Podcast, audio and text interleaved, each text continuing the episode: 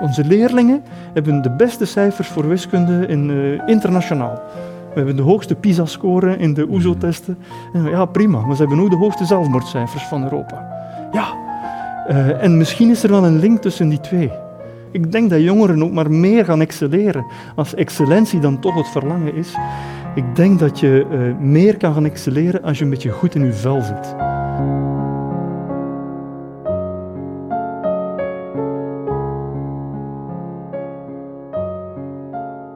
Ik schrijf een boek over uh, Nederlands-Indië, in het Nederlands, maar dat zich vanaf de eerste bladzijde onttrekt aan het Nederlandse perspectief. Ik denk dat het hoog tijd is om over Nederlands-Indië te schrijven vanuit een globaal perspectief. Ik probeer een soort globale geschiedenis van Indonesië te schrijven. Martin Luther King, Malcolm X waren beïnvloed door de Indonesische onafhankelijkheidsbeweging. Dat heb ik nog niet veel in het Nederlands gelezen. Het is interessant dat je spreekt over globaal perspectief en dat de manier waarop dat je werkt ja. heel veel interviews is. Ja. Zo. Ja, ja, ja, dat is zeker waar. Je zou kunnen zeggen, een interview, dat is zo lokaal. Je zit daar ergens mm. in, in, een, in een huis op, op palen, uh, aan de kust van een ergens op de Molukken of wat dan ook. Wat heeft dat nu te maken met het ontstaan van de Verenigde Naties? Of wat heeft dat nu in, in vredesnaam te maken met uh, de, de, de beurscrash van Wall Street in 1929? Mm Maar dat heeft er alles mee te maken. En uh, oude mensen die vertelden hoe ze in de jaren 30 probeerden rond te komen, vertellen eigenlijk iets over wat die beurscrash van Wall Street tot in de verste uithoeken van de wereld heeft betekend. En je leert vooral dat er niet zoiets bestaat als de verste uithoeken van de wereld. De hele metafoor van de uithoeken van de wereld suggereert dat er ergens een kern is waar het gebeurt, dat is dan blijkbaar het Westen, en de uithoeken, dat is de periferie. Maar nee, het, het, de geschiedenis voltrekt zich even totaal, even volledig aan dat strand van dat eiland in de Molukken, bij die oude man met wie ik op dat ogenblik zit te praten. Ik kan me voorstellen dat het ook een enorm gevoel van urgentie geeft als je die gesprekken zit te voeren. Zo, het gevoel dat je dat moet schrijven dat als je die verhalen hoort. Ik herinner mij dit onderzoek naar, naar een slachting eh, in de decolonisatieoorlog mhm. door Nederlandse militairen aangericht. En dan sprak ik met een, een, een hele oude dame, uh, die eind in het negentig was daar ooggetuige van geweest. En op het eind van het gesprek vroeg ik haar van, hoe vaak heeft u uw getuigenis al gedaan? Allee, er moeten toch wel ooit Nederlandse uh, diplomaten of, of, of, journalisten of, of magistraten langs zeggen. Ik was de eerste Europeaan die ze zag sinds die, die slachting in 1947. En ik ben niet alleen de eerste die dat verhaal van haar optekent, maar ook de laatste. Ze, ze zijn allemaal aan het sterven op dit ogenblik. Op de kast van mijn atelier waar ik schrijf, ik heb zo'n metalen, oude metalen kast, met de magneetjes hang ik ze op, de, de doodsbrieven en de bidprentjes en de... En dat zijn nog de enkel degenen waarvan ik weet heb, omdat ik ze toevallig heb ontmoet. En dat zorgt wel voor een gevoel van urgentie. Mm Ik snap ook dat je dan, als je niemand ziet lezen op de trein, en je zei ondertussen zoiets aan het schrijven. ja. Dat je zoekt naar manieren om daar voorbij te geraken. Ja. Ik wil wel dat mensen dit verhaal kennen. Uh, idealiter door dit te lezen, maar misschien nog beter door zich er zelf actief voor te gaan interesseren. Laat mijn boek, of wat ik daarover vertel, een opstap zijn om uh, onwetendheid, of schematisch denken te, te overstijgen. Um, is dat de grootste impact waar je op hoopt met dat boek? Klinkt klein. Ja. Het, uh, het stoort mij hoe slecht de koloniale geschiedenissen gekend zijn. Um, en ik zie de laatste jaren een grotere belangstelling. Daar ben ik gelukkig om, uiteraard. Maar ik zie ook een vorm van uh, radicalisering in het postkoloniale denken. Het lijkt alsof de traditie van het universalisme en het humanisme op dit ogenblik het moet afleggen tegen een uh, geradicaliseerde vorm van identity politics, die gebaseerd is op een, een, een, een moet ik zeggen, heel vaak op een idee van absoluut slachtofferschap. Onherleidbaar slachtofferschap. En het slachtoffer heeft altijd gelijk. En het slachtoffer is in zijn lijden of haar lijden zo uniek dat een ander daar niet bij kan komen. Mhm.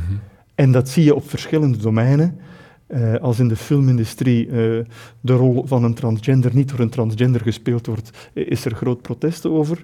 Ik heb, het, ik heb ook een paar keer gelezen dat een Europeaan uh, niet meer een geschiedenis van een voormalige kolonie zou mogen schrijven. Mm -hmm. En ik snap ergens waar dat vandaan komt. En ik denk ook dat, het, dat mijn boek Congo idealiter zou geschreven geweest zijn door een oudere Congolese dame. Dus ik, ik, ik snap ook wel, maar van de weersomstuit gaan besluiten dat uh, bepaalde mensen niet het recht hebben om over bepaalde onderwerpen iets te schrijven, ik vind dat een foute reactie. Iedereen mag over alles schrijven. Werkelijk. Uh, ik denk dat een, een Peruviaan perfect in staat is om een geschiedenis van Tibet te schrijven. Perfect. En het feit dat zij dat kan, dat die Peruviaanse dat kan, heeft ermee te maken dat ze deel is van de mensheid en dat ze voldoende talenten heeft om empathisch te zijn, of voldoende haar empathie kan cultiveren om proberen de geschiedenis van Tibet te schrijven. En dus ik stoor me een beetje aan uh, een beweging die de, de mensheid wat ik zie als een soort vasteland, gaat opdelen in een archipel van onherleidbare, leidende identiteitjes. Mm. Uh, en dat is wat nu aan het gebeuren is. En als dat nodig is om die, uh, om die groepen uh, stem te geven, dan, dan vind ik het belangrijk en, en noodzakelijk. Maar ik hoop dat die archipel van uh, die leidende eilandjes op een bepaald moment weer een soort, een soort vloot mag worden. Ik hoop dat dat weer mag samen gaan stromen. En ik hoop dat de grote traditie van het humanisme mag in ere hersteld worden. Met het verkruimelen van de verontwaardiging zullen we er niet geraken. Um, en ik word graag gewezen op uh, de blinde vlekken in mijn eigen kijken. We hebben allemaal blinde vlekken. En het is waar dat blanke Europese mannen vanaf een bepaalde leeftijd niet meer zien welke hun eigen blinde vlekken zijn. Ik ben daar helemaal mee eens. Uh, dus uh, een van de redenen waarom die interviews helpen, is omdat ze precies mij aantonen waar de blinde vlekken in mijn eigen kijken en in mijn eigen denken liggen. Je zegt, je hoopt dat dat terug één vloot wordt. Ja. hoopte het. Ja. Geloofde dat dat... Geloofde dat ook? Denk het wel. Ik ben wat dat betreft hoopvol. Ik merk dat er uh, enorm veel uh, woede zit uh, bij, ehm, of het nu gaat het nieuwe vormen van, nieuwe golven van feminisme, post-colonial studies. Ik denk dat die woede iets waardevols is. Ik denk dat we woede, het slechtste wat we kunnen doen met woede, is het negeren mhm. of het weglachen. Ik neem die woede zeer, zeer, zeer au serieus. Ja, je hebt het altijd een vorm van betrokkenheid genoemd. Hè? Absoluut. Woede is het, eh, dat is het rode verklikkerlichtje op het dashboard. Dat aangeeft dat er onder de motorkap iets serieus mis zit. En uh, je, kan, je kan je ongelooflijk storen aan de vorm die die woede aanneemt. Soms is het geen rood verklikkerlichtje, is het een bunzenbrander die op je afkomt. Maar altijd is woede een indicatie dat er achterliggende noden, behoeften, uh, identiteiten ten diepste geraakt zijn geweest. Woede is ons mechanisme om de pijn die we hebben niet te moeten voelen. Hmm. En het is, het is evident dat sociale media uh, ongeveer de, de beste recipiënt zijn. Dat is de snelkookpan van het publieke debat, zeg maar. Hmm. En ik merk soms, uh, als je op televisie in een debat zit, dat er je, er wordt alles aan gedaan. De format van het televisie-interview, degene die ze tegenover zetten, alles wordt eraan gedaan om u uit uw kot te lokken. Mm. Om, uh, om dat binaire pingpongspel te gaan spelen. Snel, snedig, plezant, goed voor de kijker. Goed voor de likes, goed voor de kliks, goed voor de shares. Ja, goed. Maar wat heeft het opgeleverd? We moeten nu iets opruiender spreken. Ja.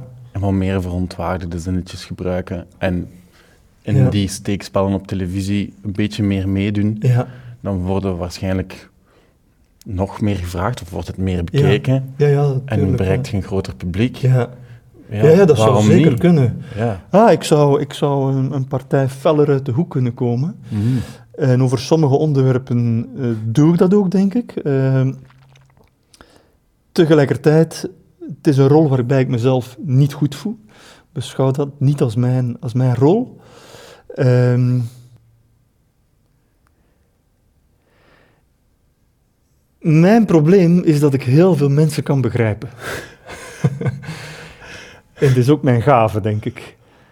Ehm, we leven in tijden waarbij de, de, de polarisatie, dat is niet een proces waarbij maar een paar partijen uit elkaar...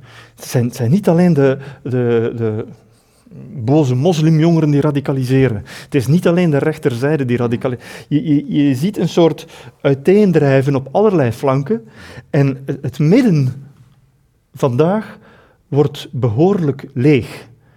En in het midden is daar waar de ruimte van het redelijke spreken ligt. In die ruimte wil ik mensen ontmoeten die ik anders niet zou ontmoeten. En ik denk dat democratieën erbij gebaat zouden zijn als het meer is dan over en weer schreeuwen tussen de loopgraven, maar dat mensen die over elkaar praten ook opnieuw met elkaar gaan praten.